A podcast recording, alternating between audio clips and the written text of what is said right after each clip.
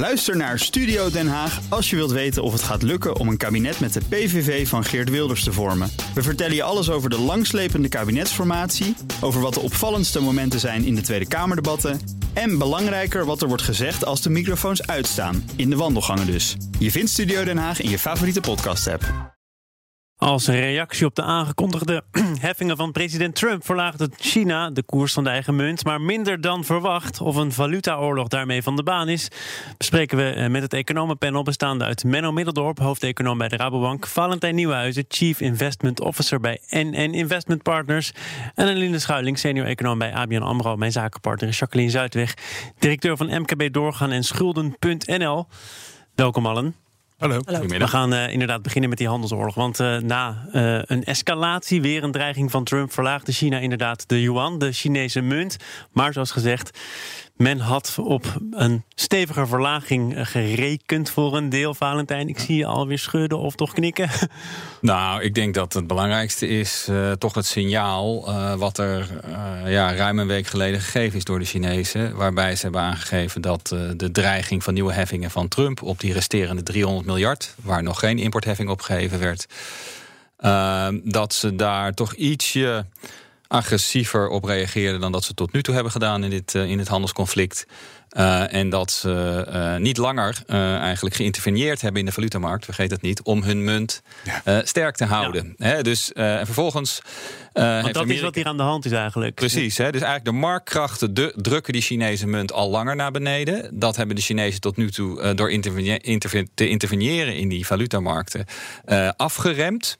En dat hebben ze nu wat meer laten gaan. Daarmee gaven ze één het signaal van Amerika: als jullie doorgaan met die tarieven. Ja, dan uh, laten wij die munt wat meer uh, zijn eigen pad vinden, waardoor wij onze concurrentiepositie beter behouden. Um, ja, en uh, dan zijn wij dus, nemen we voor lief dat jullie ons vervolgens als een manipulateur van valutakoersen beschuldigen. Terwijl ze eigenlijk dus minder interveneren, ja. heeft Amerika ze in de week daarna beschuldigd van uh, koersmanipulatie. Het is super ironisch. Dat is gewoon jarenlang hebben ze, was er elk jaar, elk half jaar was er zo'n rapport die de Treasury uitbracht van are they a currency manipulator or not? En toen was het heel spannend en ze waren het niet. Ondanks dat er in een aantal van die periodes wel echt wel flink en duidelijk uh, gemanipuleerd werd. Um, en, uh, en nu dat ze het juist even de markt laten gaan, worden, krijgen ze meteen die stempel. Dus het gaat natuurlijk Trump, zoals we weten, niet om de werkelijkheid. Het gaat om ja, zijn belang. En hij wil gewoon graag dat die oorlog, handelsoorlog.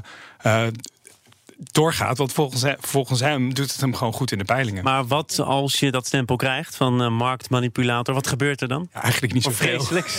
nou ja, nee. het grappige is dat dus de maatregelen die daaruit genomen kunnen worden, die hebben ze eigenlijk al genomen. Dus Precies. je kan dan importtarieven gaan opstellen als iemand dat doet. Oh. Ja, daar zijn ze al. Ja, maar je kan het ook niet unilateraal kan je dat doen. Hè? De VS staat er vrij alleen. Want het IMF heeft gezegd, nou wij zien het niet zo. Het, zijn, het is natuurlijk wel, het moet wereldwijd gedragen worden. Dus je kan dat niet in je eentje zomaar beslissen over een, uh, over een andere partij. Over dat IMF gesproken, dat schreef namelijk vrijdag, meen ik, eerder deze maand in ieder geval, dat de koers van de yuan flexibel en marktgericht gehouden moest worden. Toen vroeg ik me af, ja, wat, wat betekent dat eigenlijk? Nou ja, ze, ze, je ziet wel de, de, de economische impact terug in de wisselkoers. Alleen de Chinezen zijn de afgelopen ja, maanden eigenlijk bezig met het, dat, en eigenlijk al langer, met het, um, ja, het, het, het het wat beheersen van die bewegingen. Dus het is zeker niet dat het een geheel vrije munt is. Maar je ziet wel dat, uh, dat ze bijvoorbeeld nu het laten afzwakken. En dat is eigenlijk wat je zou verwachten. Als je een handelsoorlog uitbreekt, jouw jou, jouw export wordt geraakt met tarieven. Dan zou je verwachten dat je munt in een vrije markt omlaag zou gaan. China laat dat kennelijk gebeuren.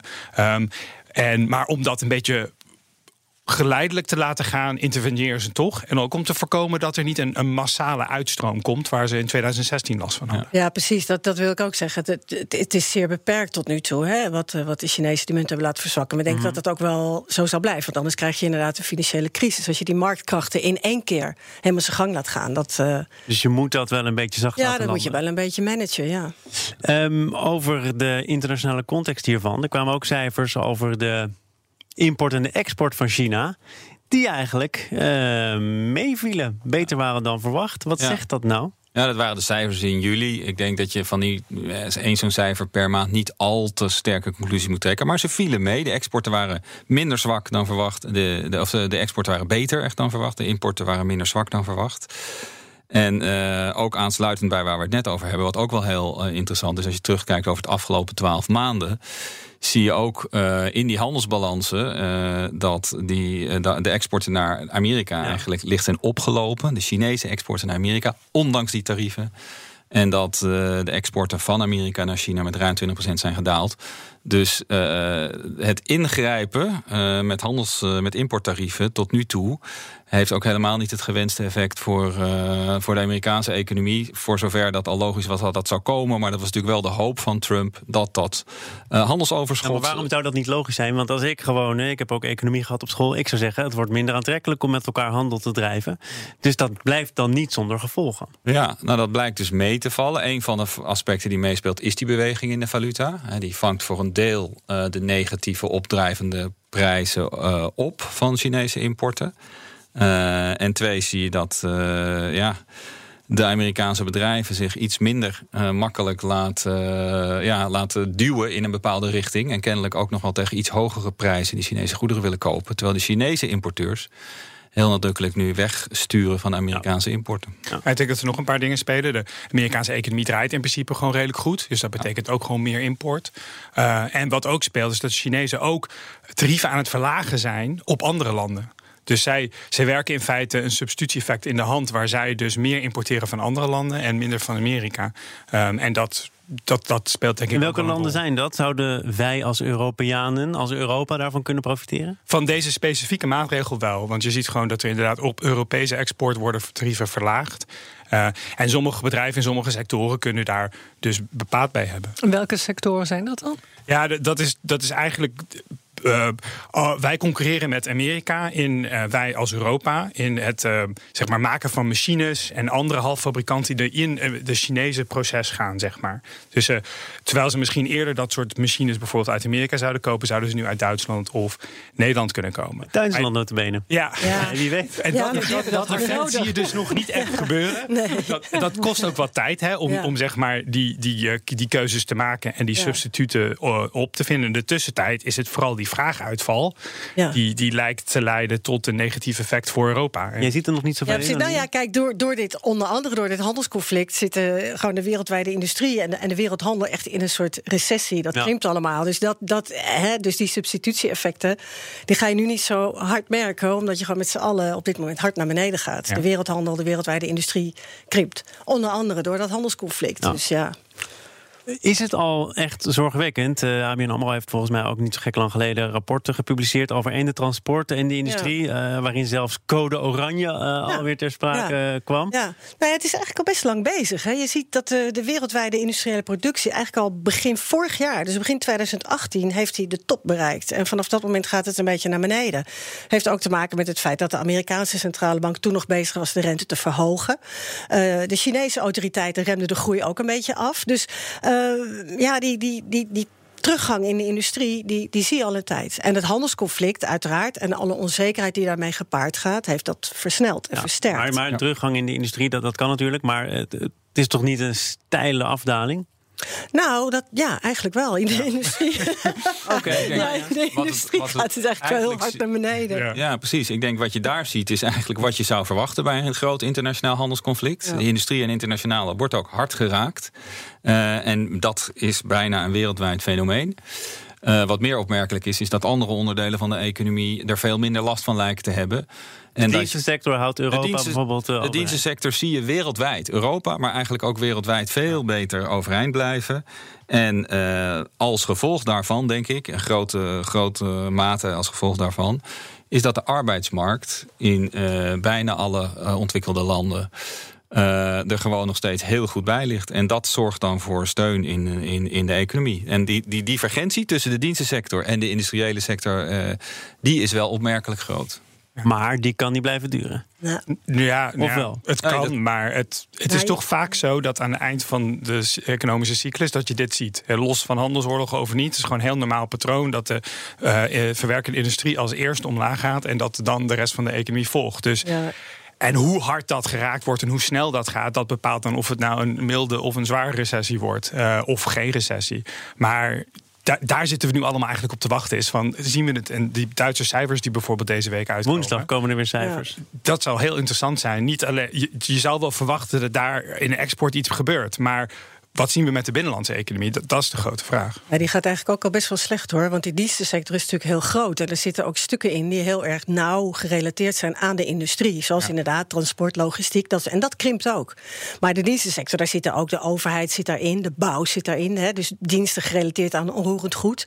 En dat is allemaal nog heel sterk. Maar in Duitsland zie je ook uh, wel degelijk die dienstensector al, al flink uh, verdragen. Dus dan kan, en dat is de eeuwige vraag ook in dit panel. Ja. Uh, de centrale bank iets doen. De Europese centrale bank kan iets doen. De Europese centrale bank, waarvan we weten dat hij ook heeft gezegd: landen die er financieel goed voor staan, solide voor staan, doe zelf dan maar iets. Ja. Zou er woensdag uh, het een en ander naar buiten kunnen komen dat ervoor zorgt dat de Duitse regering in dat opzicht zijn verantwoordelijkheid neemt en dus meer zelf gaat stimuleren? Nou ja, dus de afgelopen dagen denk ik op dat punt, als je het hebt over uh, additionele begrotingsstimulans vanuit de Duitse overheid, want dat is natuurlijk een beetje de discussie. Centrale banken, of ze nou wel of niet iets doen, die hebben gewoon niet heel veel meer effect wat ze teweeg kunnen brengen, gegeven waar we al staan qua rentes en dat soort beleid.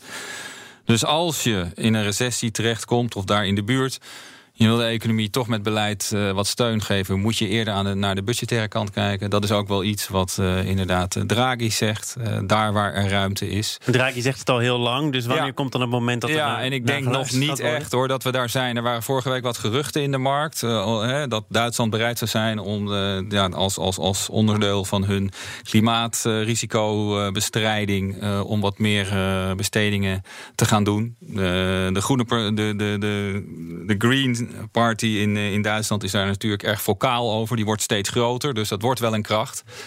Maar uh, Merkel en de regering van Merkel en het ministerie van Financiën hebben heel duidelijk aangegeven dat ze vast willen houden aan de zwarte nul. Het uh, in balans houden van het begrotingstekort. Dus ik denk dat dat nog niet deze week de echt concrete maatregelen gaan komen. Maar ja, als die politieke krachten verder verschuiven richting de Groene Partij in, in Duitsland, wie weet, wie weet. Is, is er iets voor te zeggen dat Duitsland nu nog eventjes de hand op de knip houdt, Menno? Nee, je zou juist snel moeten zijn. Je, je wil eigenlijk voor zijn. Dus wat, de, wat de ECB nu doet, is gewoon proberen het probleem voor te zijn. Ook al hebben ze natuurlijk een hele beperkte middelen op het moment. Daarom willen ze het liefst dat Duitsland snel over de brug komt. Maar ja, politiek zijn ze heel erg beperkt daarin. Te gast is het economenpanel en daarvoor zijn aangeschoven Menno Middeldorp, Aline Schuiling en Valentijn Nieuwenhuizen. Mijn zakenpartner Jacqueline Zuidweg. En wij zijn nog niet uitgepraat over de onrust in Europa, van noord tot zuid. En in ieder geval ook het uh, Verenigd Koninkrijk, want de Britse economie krimpt voor het eerst in zes jaar. In hoeverre is dat toe te schrijven aan de Brexit? Ja, voor een groot deel wel. Want het eerste kwartaal was heel sterk. Omdat de oorspronkelijke harde deadline voor Brexit was natuurlijk eind maart. Dus in het eerste kwartaal is er enorm gehamsterd, enorme voorraden aangelegd. Dat heeft toen de groei gestimuleerd. En dat heb je nu natuurlijk, het tegenovergestelde effect. Dus um, ja, een deel van die krimp valt toe te schrijven aan het hele sterke ja. eerste kwartaal. Ja, een ander deel komt door iets dat al wat langer speelt, dat de investeringen. Um, achteruit gaan. En dus dat, dat heeft veel te maken met de, waarschijnlijk met de onzekerheid over Brexit. Want ik, over dat hamsteren las ik vandaag in The Guardian dat er echt voor miljarden, en dat gaat natuurlijk ook snel hoor, want er zijn veel Britten, maar is gehamsterd aan gewoon de basale dingen: hè? eten, drinken, medicijnen. En die voorraadvorming die verbloemde eigenlijk dat het met die economie al wat minder ging. Ja, in de industrie is natuurlijk ook veel, veel, veel voorraad op aangebouwd hè, van, uh, van grondstoffen en halffabrikaten. Gewoon wat je nodig hebt om je productie gaande te houden. Ja. Ja. Ja, wat dat betreft is het wel interessant ook. En moet je misschien ook een beetje proberen door die kwartaalcijfers heen te kijken. Want je, je, je, hebt dus in dat eerste kwartaal steun voor de economie gehad. omdat er voorraden werden opgebouwd. Dat zit nou eenmaal in hoe dat uh, het bruto nationaal product berekend wordt. Dat geldt dan als een plus. Uh, vervolgens kwam die brexit niet eind maart. En dus zie je een terugval op het moment dat die voorraden worden afgebouwd in het tweede kwartaal. Wellicht is men zich nu in het derde kwartaal weer aan het voorbereiden op, de volgende brexit. Ja. Dus zie je misschien in het derde kwartaal weer een meevallend cijfer, weer door die voorraden. Dus ik denk dat je inderdaad beter kan kijken naar de trends in investeringen, in handel uh, en in de binnenlandse vraag. Die geven een beter beeld of die economie echt. En daar zie je gewoon wel wat afzwakkende trends. Dus da daar, daar zijn wel wat zorgen. Maar die kwartaalcijfers worden door die voorraden nu met elke keer die verschuivende datums van wel of niet een brexit, denk ik, wel uh, ja, een beetje wispelturig. Kees de Kort probeert mij altijd uh, uit te leggen dat uh, mensen echt niet plotseling ophouden met boodschappen doen. Of dat ze niet van de een op de andere dag hun baan verliezen. Dus je zal ook niet meteen een enorme neergang van die grote economie gaan zien. Delen jullie dat? Nou, kijk, de consumptie zie je al een tijdje in Groot-Brittannië dat het daar de, pijn niet echt geleden wordt. Dus uh, Britten hebben het algemeen een baan, werkloosheid is eigenlijk heel laag. Dus uh, daar, daar, daar merken ze het nog niet echt. Um, dus het is niet op de een op de andere dag. Uh, maar goed, een Brexit op een harde Brexit, echt van dat, dat opeens gewoon dingen niet werken.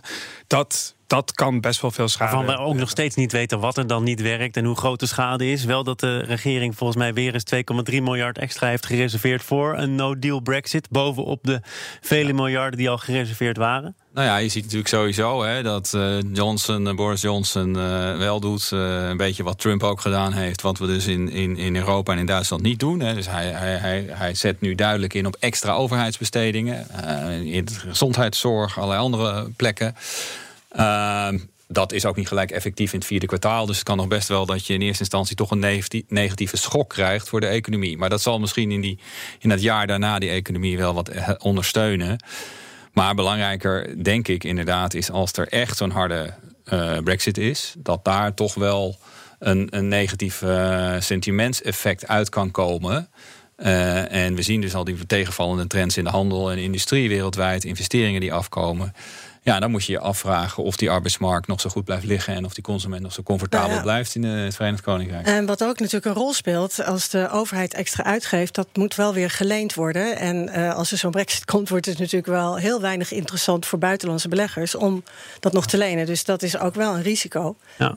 Je kunt er negatief over worden, maar ik uh, las in de laatste peilingen dat de Boris alleen maar populairder wordt. Dat er sprake is van een soort Boris bounce Zoals dat in de Britse media wordt uitgelegd. Dus politiek gezien ja. Wordt hij er niet slechter op. Nou, dat geloof ik wel. Want hij, hij, nadat Theresa May echt het, het midden probeerde op te zoeken en een redelijke compromis probeerde te vinden, dat tot heel veel politieke um, ja, ongenoegen leidde, heeft Boris gewoon een hele duidelijke lijn. Um, en dat is natuurlijk politiek prettig, maar economisch niet per se heel handig. maar de, schade, de economische schade volgt nog. In de tussentijd heeft hij het voordeel van zijn, van zijn duidelijke ja. lijn. En ik denk dat is inderdaad heel verklaarbaar. Duidelijkheid, helderheid en natuurlijk die, die tendens ook wel om voor dat wat meer kort door de bocht politiek uh, te kiezen. Die zie je eigenlijk eet, uh, overal. Die Brexit-partij natuurlijk ook uh, een deel Al die op. steun. Nigel en Farage. de eventuele pijn of realiteit die komt later pas. Zoals we bijvoorbeeld deze zomer ook in Griekenland hebben gezien. Daar hebben we ook zo'n meer populistische leider gehad een paar jaar geleden. Die daar aan, aan de macht is gekomen. Een paar jaar later komt het Griekse electoraat tot de conclusie dat het toch allemaal niet zo uh, makkelijk uh, was als die beloofde. Uh, en nu heb je daar weer een, een, een, kanteling in de macht. En keert eigenlijk de oude partij die daar voorheen aan de macht was, daar terug. Ik merk dat jullie het ook heel graag over Italië willen hebben. Als je nu toch in deze sfeer oh, ja. gekomen bent. Want daar wordt vandaag notabene door de Senaat gesproken over de motie van wantrouwen. En wanneer daar dan over gestemd kan worden. En wat de gevolgen ja. zouden zijn. Eén gevolg lijkt al wel vast te staan. Namelijk Salvini wordt, en wanneer de verkiezingen zijn, dat moeten we dan nog maar afwachten wordt daar wel de grote winnaar van. Wat zijn daar de economische consequenties van? Ja, dat is moeilijk in te schatten. Meneer Salvini heeft natuurlijk wel zijn agenda heel erg veranderd. Hij heeft heel veel van de steun van de partij van Berlusconi naar zich toegetrokken. Dat zijn de, de rijkere uh, mensen en bedrijven in het noorden van Italië. Uh, waar Salvini eerst heel erg anti-Europa was, heeft hij dat wel veranderd nu. Want dan verliest hij die steun. Dus hij is niet meer zo hard uh, anti-Europa als hij ooit was. Er komen wel belastingverlagingen in Italië. En Italië krijgt waarschijnlijk ook wel, als meneer Salvini premier is, een ja, conflict met de Europese Commissie over de overheidsfinanciën. Maar dat maakt misschien niet zoveel uit wie er de baas van Italië is. Dat conflict komt Nee, dat conflict, dat, nou ja, er zijn ook wel partijen. Er wordt nu in Italië trouwens ook op de achtergrond wordt er gekeken of er een soort grote coalitie gesmeed kan worden uh, over links. Dus, Om hem uh, uit te kunnen sluiten. Nou ja, inderdaad, dat zou dan. En die, heeft, alleen maar populairder die, kan worden. Die hebben wel een, een, meerderheid nu in het parlement. Die hadden na de vorige verkiezingen een meerderheid. De kans om te gaan samenwerken. Toen lukte het niet. Maar nu zeggen ze van oeh, misschien is dat nu toch wel een goed idee. Dus ja. het, het, is nog niet helemaal duidelijk hoe het eruit gaat zien. Dus hoe meer Salvini zich laat zien in zwembroek op tv, uh, ja. des te groter de kans op uh, linkscoalitie. Ja, er werd steeds gezegd dat hij voortdurend nog campagne aan het voeren was in plaats van aan het regeren. En ja, nu misschien dat de andere partijen ook in campagnemode komen, zullen zij misschien iets beter gaan doen in de peilingen. Dus ja, die, die race is nog niet over. Nee, maar ik denk de waarschijnlijkheid dat hij ook voorlopig dat uh, de populariteitsstem houdt, is denk ik vrij groot. Ja. technisch is het mogelijk. Hè? De president van van Italië uh, moet beslissen of er nieuwe verkiezingen komen en wanneer die komen. Uh, dus hij kan ook een meer technocratische regering opstellen. Of inderdaad kijken of er niet met die vijf star movement in samen met meer centraal links een nieuwe regering gevormd kan worden. Dat laatste lijkt mij wel lastig. Niet alleen omdat die twee partijen in het verleden elkaar ook enorm in de haren zaten. Maar ook omdat dat natuurlijk gegeven de populariteit van Salvini uh, waarschijnlijk een uh, verlieslatende strategie is. Wat je net al noemt. Salvini zal waarschijnlijk alleen maar populairder worden. En uh, zomaar 1, 2, 3 hebben die twee andere partijen die problemen van Italië ook niet opgelost. Dus dat is een beetje uitstel van executie. Dus ik zou wel verwachten dat er verkiezingen komen, maar misschien iets later in het jaar, zodat ze toch nog iets met die begroting en Europa kunnen doen. En de markten niet helemaal in paniek schieten. Maar zelfs als uh, uh, Salvini het goed doet in de verkiezingen, het wel, wordt wel heel spannend. Want hij zit nu dicht, in die, dicht bij die 40%. En als ze die 40% krijgen, dan krijgen ze een soort bonus. En dan kunnen ze in een eentje regeren. Ja. Dus uh, of dat wel of niet gebeurt, zal, zal heel, heel spannend worden. En dat heeft hij een andere partij nodig om aan die meerderheid te komen. Jullie hadden het net heel even kort, uh, Valentijn, jij met name over Griekenland. Uh, Griekenland in de problemen, daarvan werd toen gezegd... dat kan Europa nog wel dragen, dat kunnen we met elkaar oplossen. Als Italië in de problemen komt, dan is dat van een heel andere orde. Is dat waarschijnlijker geworden al uh, nu deze verkiezingen uh, er weer aan lijken te komen en Salvini daar misschien de grote winnaar van wordt? Nou ja, dan moet meneer Salvini daar natuurlijk wel mee instemmen. Uh, als je steun krijgt van Europa, moet je ook een, een pakket van hervormingen accepteren. Spanje was ook ooit zo'n land en die heeft toen alleen wat steun voor de banken. En die heeft het hele bankenwezen hervormd. Dus er zijn wel mogelijkheden. Gewoon een totale, zoals je dat noemt, bail-out van Italië, is, dat is te duur. Maar er zijn wel. Maar belangrijk is, de regering moet wel meewerken. Dus dat wordt spannend, ja. Ik, ik zat naar zijn ja. programma te kijken en ik, ik, kwam zelfs nog tegen zijn ideeën over het uh, invoeren van een alternatief betaalmiddel voor de euro. Ja. Zogenoemde mini-bots, kleine renteloze staatsobligaties. Ja. Kijk, als je dat soort ideeën doorzet, hè, dan, dan uh, heb je absoluut een probleem. Maar dan, dat, dan heb je onmiddellijk, en ik denk kans inderdaad, gegeven dat zijn koers minder anti-Europees is geworden, dat, die, dat het, het risico dat hij dat doet niet zo heel groot is. Er zijn recent in de afgelopen dagen ook al uitlatingen vanuit uh, Salvini's partij dat ze voor 2020 op een begrotingstekort van onder de 3% oh. zullen sturen. Um, dus ik, ik, ik weet niet of, of hij bereid is om echt het gevecht vol met de markten aan te gaan. Ja. Ik denk wel dat als er verkiezingen komen, de markten onrustig zullen zijn, want ze weten niet precies welke kant het op gaat.